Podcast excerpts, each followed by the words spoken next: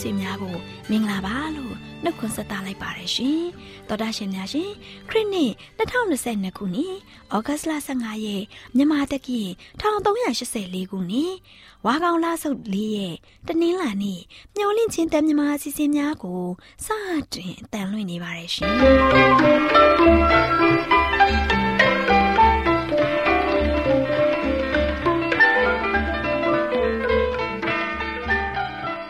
တော်တာရှင်များခင်ဗျာမျောလင့်ချင်းအတန်မြန်မာအစီအစဉ်ကိုနက်နက်6နိုင်မိနစ်30မှ9နိုင်အထိ16မီတာ kHz တစ်ခွန်ခွန်23ညညပိုင်း9နိုင်မှ9နိုင်မိနစ်30အထိ25မီတာ kHz 11943ညမှအတန်လွှင့်ပေးနေပါတယ်ခင်ဗျာ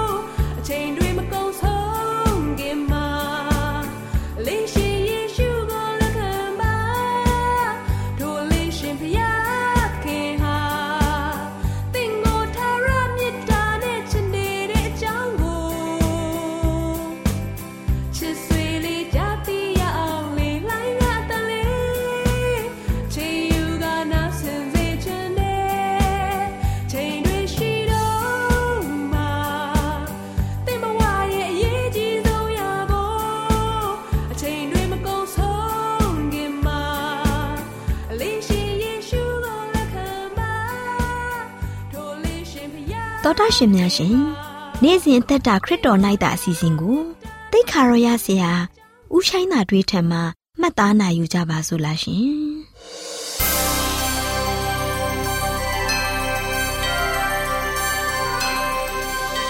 ချစ်တော်တာရှင်ဓမ္မမိတ်ဆွေညီကိုမမများအားလုံးမင်္ဂလာပေါင်းနဲ့ပြည့်စုံကြပါစေလို့ရှေးဥစွာနှုတ်ခွန်းဆက်သလိုက်ပါတယ်အားလုံးပဲကိုစိတ်နှပြ ကျမ်းမာချမ်းသာတော်မူကြပါစေအခုချိန်မှာနေ့စဉ်သက်တာခရစ်တော်၌သာအစီအစဉ်ရောက်ရှိလာပြီဖြစ်တဲ့အတွက်ဓမ္မမိတ်ဆွေများအားလုံးဝိညာဉ်ခွန်အားရရှိဖို့ရန်အားပေးတိုက်တွန်းသွားခြင်းပါတယ်ပထမဦးဆုံးအနေနဲ့ကျမ်းစာတော်များတစ်ပိုက်ကိုဖတ်ပြခြင်းပါတယ်ဘယ်မှာတွေ့နိုင်တယ်လဲဆိုရင်ယောမဩဝါဒစာအခန်းကြီး9အငယ်၁၂ထဲမှာဖြစ်ပါတယ်ဘယ်လိုဖော်ပြထားသလဲဆိုတော့ ဤအကြောင်းအရာဟုမူကားအပြစ်တရားသည်တယောက်သောသူအဖျင်ဤလောကသို့ဝင်၍အပြစ်တရားအဖျင်သေခြင်းတရားဝင်သည်နှင့်အညီလူအပေါင်းတို့သည် အပြစ်ရှိသောကြောင့်သေခြင်းသို့ရောက်ရကြ၏ဆိုပြီးဖော်ပြထားပါတယ်ချစ်တော်တရှင်ဓမ္မမိတ်ဆွေပေါင်းတို့ခင်ဗျာအခုဖတ်သွားခဲ့တဲ့ကြံ့ကြက်အားဖြင့်ခရိယန်ဘာသာမှာတော့နှုတ်ကြိုးနေပြီဖြစ်တဲ့အပြစ်တရားလောကလူသားနဲ့ သေချင်းတရားစတဲ့အကြောင်းချက်တွေဟာအထူးသဖြင့်ဘာသာတရားမှာတော့၆ကပ်ကဖြစ်ပုံရနေပါတယ်ခင်ဗျာဒါပေမဲ့လည်းအဘယ်လူသားကမှဖျားသခင်ရဲ့ချစ်မြတ်တာနဲ့ဆိုင်မှုတွေကိုမိမိတို့ရဲ့ကိုယ်နှုတ်နှလုံးသုံးပါးစလုံးရဲ့ဇာတိသဘောတရားနဲ့လူသားတွေအတွက်ကိုရရှင်ဘုရားကနေဘယ်လိုအလုတ်လုတ်ပေးနေတဲ့ဆိုတာတွေကို မသိရှိလာသမျှကာလပတ်လုံးနားလေခံစား သိရှိနိုင်မှာမဟုတ်ပါဘူးခင်ဗျာအထူးသဖြင့်လူဟာမိမိရဲ့အပြစ်အတွက်သေတံကြလို့ကိုယ့်ကိုယ်ကိုမကယ်တင်နိုင်ပါဘူးဆိုတဲ့သဘောကို မသိရှိသမျှကာလပတ်လုံးသေတံကနေလွတ်ပြီဆိုတဲ့အတိတ်ပဲရဲ့နဲ့ဆိုင်မှုကို သိရှိနားလည်နိုင်မှာမဟုတ်ပါဘူးဒါကြောင့်မို့လဲအင်မတန်မှစိတ်ထက်သန်လာတဲ့တရားဟောဆရာကြီးရှင်ပေါလုကနေပြီးဒီကနေ့လူသားတွေရဲ့အဖြစ်မှန်တဲ့ မိမိကိုယ်ကိုဘယ်လိုနီးနဲ့မှမကယ်တင်နိုင်ကြောင်း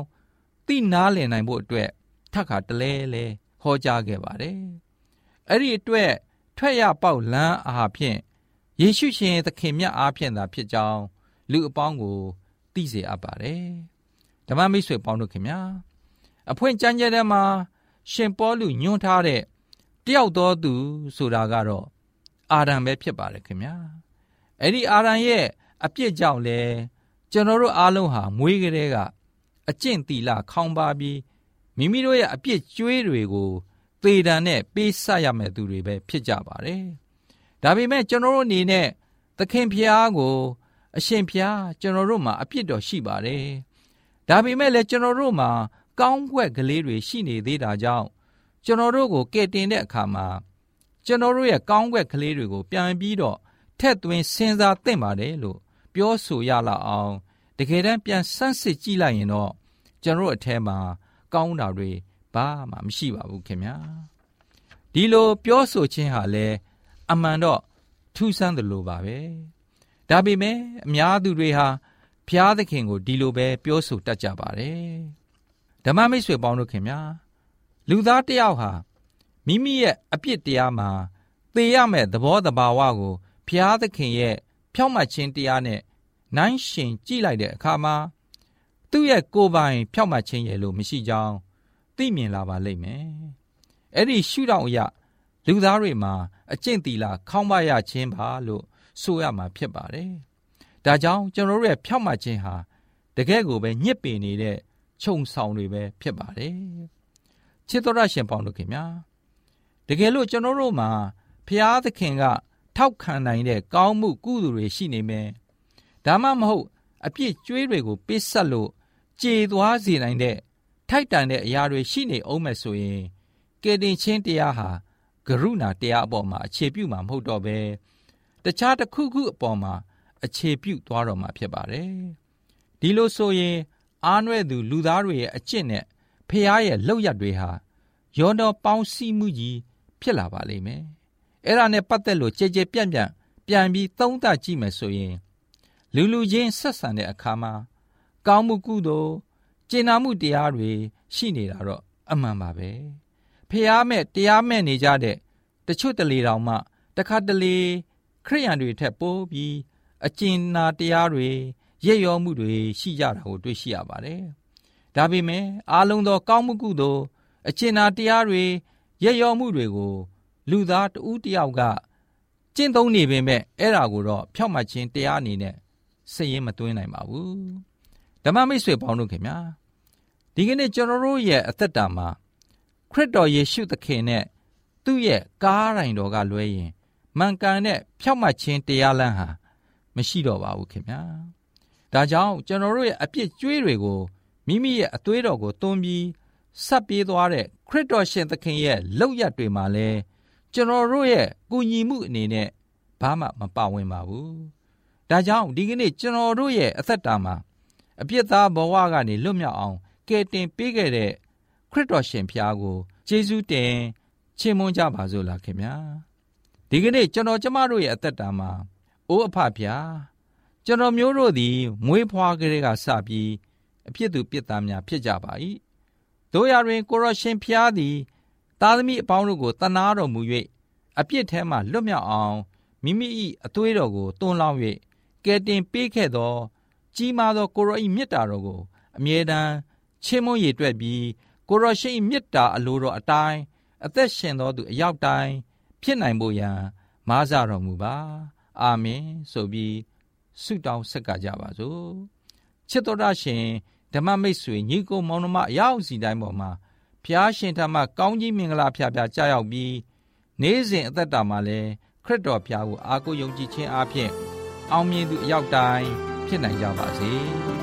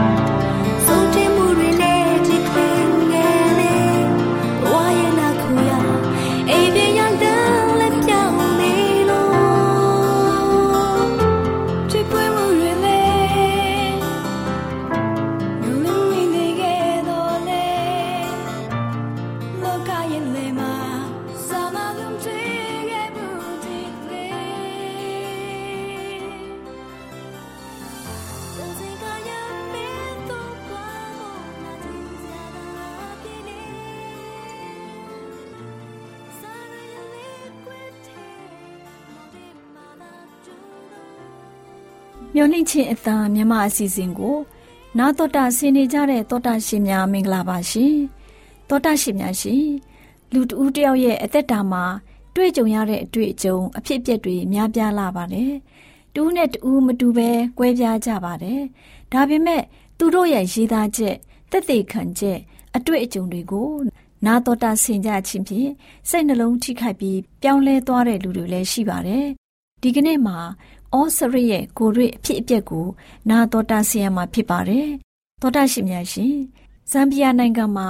ဩစရဆိုတဲ့လူငယ်လေးတယောက်ရှိတယ်။တနေ့တော့ဩစရဟာအထက်တန်းကျောင်းကနေပြန်လာတဲ့အခါသူ့ရဲ့အတန်းဖော်မော်ရစ်ရဲ့ပတ်လည်မှာလူတွေဝိုင်းအုံနေတာကိုသတိပြုမိတယ်။အနာကကြည့်လိုက်တဲ့အခါမှာသူ့တငယ်ချင်းတွေကို အားတဲ့အချိန်မှာစမ်းစာသင်ပေးနေတာဖြစ်ကြောင်းသိရတယ် မော်ရစ်ဟာနုညံ့သိမ်မွေ့တဲ့စကလုံးတွေနဲ့တည်နေတာတွေ့တော့သူသိပ်ပြီးတော့စိတ်ဝင်စားသွားတယ်။အော်စရစ်လည်းသူတို့နဲ့အတူတူဝိုင်းထိုင်ပြီးနားထောင်ခဲ့တယ်။သူတို့ဟာကြောင်းမတက်မီအချိန်နဲ့အားလချိန်နေကင်မှုတ်စားစင်းချိန်မှာ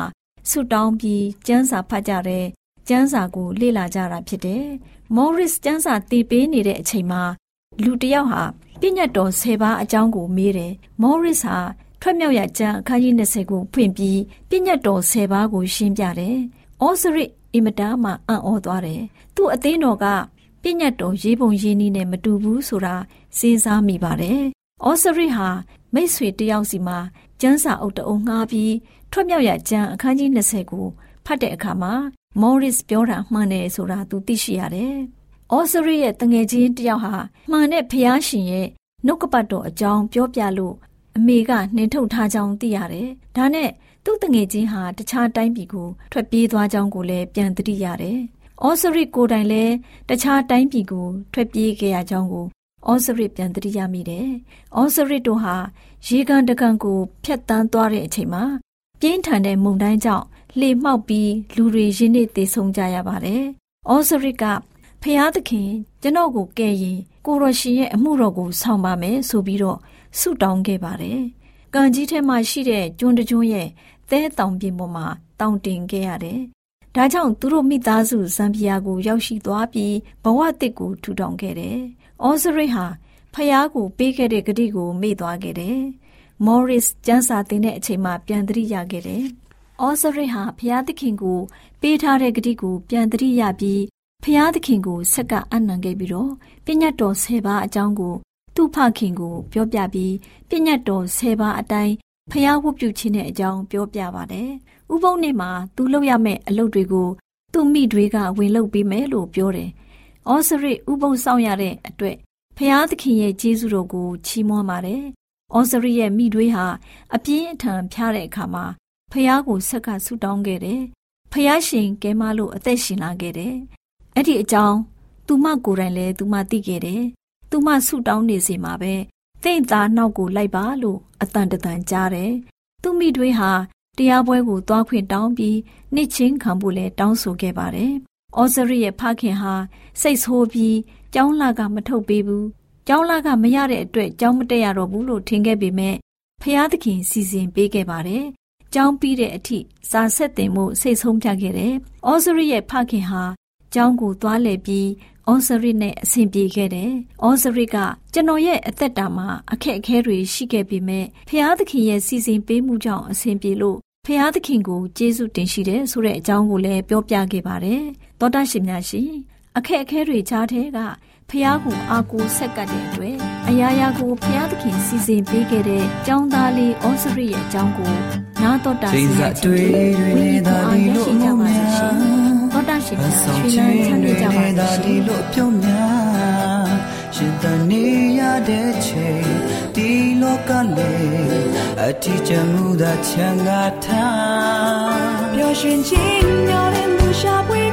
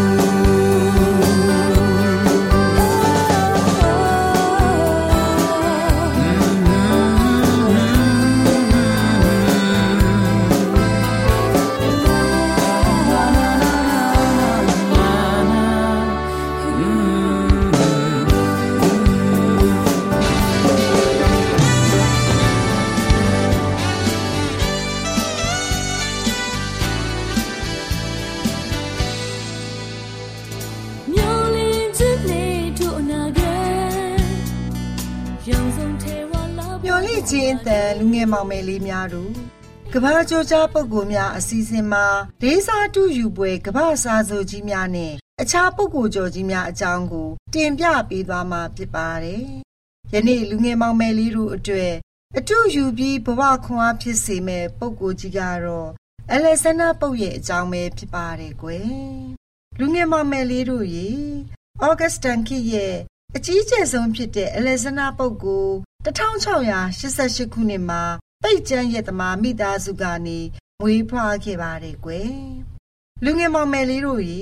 တယောစာကြပြားတွေကို ရေးဖွဲ့ရမှာအထူးကျွမ်းကျင်သူဖြစ်လို့သူ့စာရီဟာပုံစံသစ်တစ်ခုကိုချမှတ်ပေးနိုင်ခဲ့ပါတယ်လူငယ်မောင်မယ်လေးတို့ရေပုတ်ဟာအရွယ်နဲ့မလိုက်အောင်ထူးချွန်တဲ့ကလေးတစ်ယောက်ဖြစ်ပါတယ်သူဟာအိမ်မာနေရတာများပြီး ကျောင်းနေရတဲ့အချိန်နည်းပါတယ်။စာဖတ်တတ်တဲ့အချိန်ကစပြီးအင်္ဂလိပ်ကဗျာစာဆိုတွေရဲ့ကဗျာတွေကိုစိတ်ဝင်စားဖတ်ခဲ့ပါတယ်။အထူးသဖြင့်စပင်ဆာနဲ့ Dryden တို့ရဲ့ကဗျာတွေပါ။သူစာရေးတတ်တာနဲ့ကဗျာတွေစရေးတာပါပဲကွယ်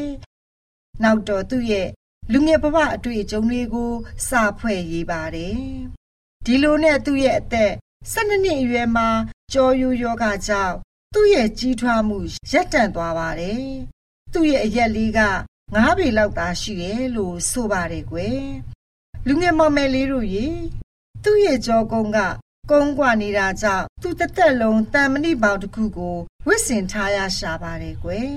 ။ဒီလိုနဲ့1909ခုနှစ်မှာကြပြစာအုပ်တအုပ်ကို ထုတ်ပါတယ်။အဲ့ဒီစာအုပ်ကသူ့ရဲ့ပထမဦးဆုံးလေယာဖြစ်ပြီးတော့ သူ့ကိုလမ်းနှကပြစာဆိုကြီးများကြသို့တိုးဝင်နိုင်စေခဲ့ပါတယ်ကွယ်1911ခုနှစ်မှာကြပြတစ်ပုဒ်ကိုထုတ်လုပ်လိုက်တဲ့အခါမှာတော့သူ့ရဲ့နာမည်ဟာပိုးပြီးတော့ထင်ရှားလာပါတယ်နောက်တစ်ဖန်တတိယကဘာဖြစ်တဲ့ The Rope of the Lock ဆိုတဲ့ကြပြကိုထုတ်ဝေလိုက်တဲ့အခါသူ့ရဲ့နာမည်ဟာထိတ်ဆုံးကိုရောက်သွားပြီးတော့အစ်စ်မြင့်စာရေးဆရာကြီးဖြစ်လာပါတော့တယ်ကွယ် လူငယ်မောင်မယ်လေးတို့ရေပုတ်ဟာဂရိစာဆိုကြီးဟိုမာရဲ့နာမည်ကျော်ကြပြားရှိကြီးကိုအင်္ဂလိပ်ဘာသာပြန်ပြီးတော့ထုတ်ဝေလိုက်ပြန်ပါတယ်ကွယ်အဲ့ဒီစာအုပ်ဟာအောင်မြင်ပြီးငွေများစွာရတာကြောင့် Triskingham မှာအိမ်အကြီးကြီးနဲ့ခန်းခန်းနာနာနေနိုင်တဲ့အခြေအနေကိုရောက်ရှိလိုလာပါတော့တယ်အဲ့ဒီအိမ်ကြီးမှာသူ့ရဲ့ဘဝတစ်လျှောက်လုံးနေသွားတယ်လို့ဆိုပါတယ်ကွယ် လူငယ်မမယ်လေးတို့ရေပုတ်ဟာအသက်ရလာတဲ့အခါမှာတော့လှောင်ပြောင်ခနဲ့တဲ့စာတွေကိုရေးနေရကနေလူရဲ့တိတ်ခါလူကိုချင်းတရားတွေဘက်ကိုလှည့်ပြီးတော့ကြပြတွေရေးလာပါတယ်။သူဟာအေးချမ်းမှုနဲ့တိတ်ဆိတ်မှုတွေကိုမျက်နှိုးလေးရှိပါတယ်ကွယ်။တခါတည်းရန်အိုးဖျားသခင်ကျွန်ုပ်ဟာစာရေးဖို့မွေးလာတာပါလို့တိုင်တီပြောဆိုလေးရှိပါတယ်ကွယ်။ပုတ်ဟာအဲ့ဒီလောက်ထိ သူ့ရဲ့စားဆိုဘဝကိုအလွန်မှပင်နှစ်သက်မြတ်နိုးခဲ့ပါတယ်ကွယ်လူငယ်မမယ်လေးတို့ရေ1933ခုနှစ်မှာဒသနဆိုင်ရာကြပြားရှိကြီးကို ရေးမြန်ပါတယ်ဖျားနဲ့လူသားဆက်ဆံရေးကို ရေးဖွဲ့ထားတဲ့ကြပြားကြီးပါကွယ်။အုပ်ဟာတငယ်ချင်းမိတ်ဆွေအများအပြားရှိပေမဲ့သူနဲ့တင့်တင့်အဆင်ပြေသူက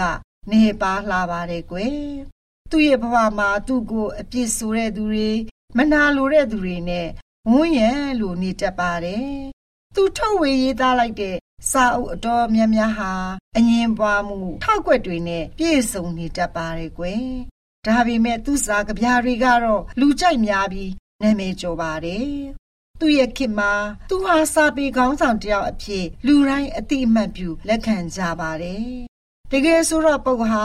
ရုပ်ပိုင်းမှာသာမက စိတ်ပိုင်းမှာပါ အလွန်ထူးခြားတဲ့ စာဆိုတယောက်ဖြစ်တာကတော့အမှန်ပဲဖြစ်ပါတယ်ကွယ်လူငယ်မောင်မယ်လေးတို့ရေဒီနေ့တင်ပြပေးသွားတဲ့ကဘာကျော်ပုဂ္ဂိုလ်ကြီးရဲ့အကြောင်းကတော့ဩဂတ်စတန်ကီရဲ့အကျော်ကြားဆုံးကြပြစာဆိုအလက်ဆန္ဒပုတ်ရဲ့အကြောင်းပဲဖြစ်ပါတယ်ကွယ်မျော်လင့်ခြင်းတန်တော်တာရှင်များရှင်ကဘာကျော်ကြားပုဂ္ဂိုလ်များအစီအစဉ်မှာလေးစားအထုယူပွဲကဘာစားဆိုကြီးများနဲ့အခြားပုဂ္ဂိုလ်ကျော်ကြီးများစာအုပ်မှာ စာရေးသူဆရာကြီးဦးဝံထိန်ရေးသားထားတဲ့အလက်ဆန္ဒပုတ်ရဲ့အကြောင်းကိုကောင်းနှုတ်တင်ဆက်ပေးခဲ့ခြင်းပဲဖြစ်ပါတယ်ရှင်။ကျေးဇူးတင်ပါတယ်ရှင်။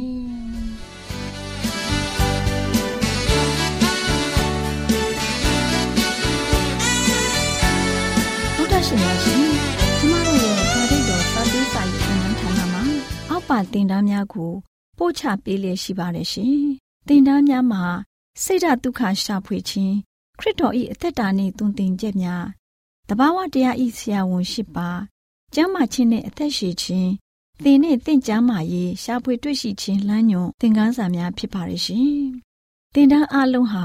အခမဲ့သင်တန်းတွေဖြစ်ပါတယ်။ဖြစ်ဆိုပြီးတဲ့သူတိုင်းကိုဂုံပြုလွှာချီးမြှင့်ပေးမှာဖြစ်ပါရဲ့ရှင်။တော်တာရှင်များခင်ဗျာဓာတိတော်အတန်းစာပေးစာယူဌာနကိုဆက်သွယ်ခြင်းနဲ့ဆိုရင်တော့ဆက်သွယ်ရမယ့်ဖုန်းနံပါတ်ကတော့39 656 296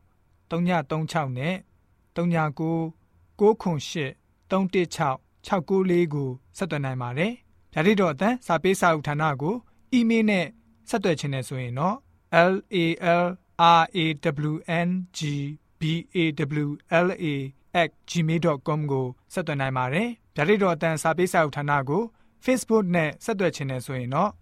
s o e s a n d a r Facebook အကောင့်မှာဆက်သွင်းနိုင်ပါတယ်။ AWR မျော်လင့်ခြင်းအတန်ကိုအားပေးနေတယ်တော်တာရှင်များရှင် မျော်လင့်ခြင်းအတန်မှာအကြောင်းအရာတွေကိုပုံမသိရှိပြီးဖုန်းနဲ့ဆက်သွယ်လိုပါက39 2939 3926ခွန်45နောက်ထပ်ဖုန်းတစ်လုံးအနေနဲ့39 688 464 48ခွန်ကိုဆက်သွယ်နိုင်ပါတယ်ရှင် AWR မျော်လင့်ခြင်းအတန်ကို Facebook နဲ့ဆက်သွယ်ခြင်းနဲ့ဆိုရင်တော့ AWR ရန်ကုန် Facebook Page မှာဆက်သွယ်နိုင်ပါတယ်ခင်ဗျာအင်တာနက်ကနေမျော်လင့်ခြင်းအတန်ရေဒီယိုအစီအစဉ်တွေကိုနားထောင်ခြင်းနဲ့ဆိုရင်တော့ website လိပ်စာကတော့ www.awr.org ဖြစ်ပါတယ်ခင်ဗျာတော်တာရှင်များရှင် KSTA အာကခွန်ကျွန်းမှာ AWR မျိုးလင့်ချင်းအတံမြန်မာအစီအစဉ်များကိုအတံလွှင့်ခဲ့ခြင်းဖြစ်ပါတယ်ရှင် AWR မျိုးလင့်ချင်းအတံကိုနာတော်တာဆင် gay ကြတော့တောတာရှင်အရောက်တိုင်းပေါ်မှာဖျားသခင်ရဲ့ကြွယ်ဝစွာသောကောင်းကြီးမင်္ဂလာတက်ရောက်ပါစေ။ကိုစိတ်နှဖျားကျမ်းမာရွှင်လန်းကြပါစေကျေးဇူးတင်ပါတယ်ခင်ဗျာ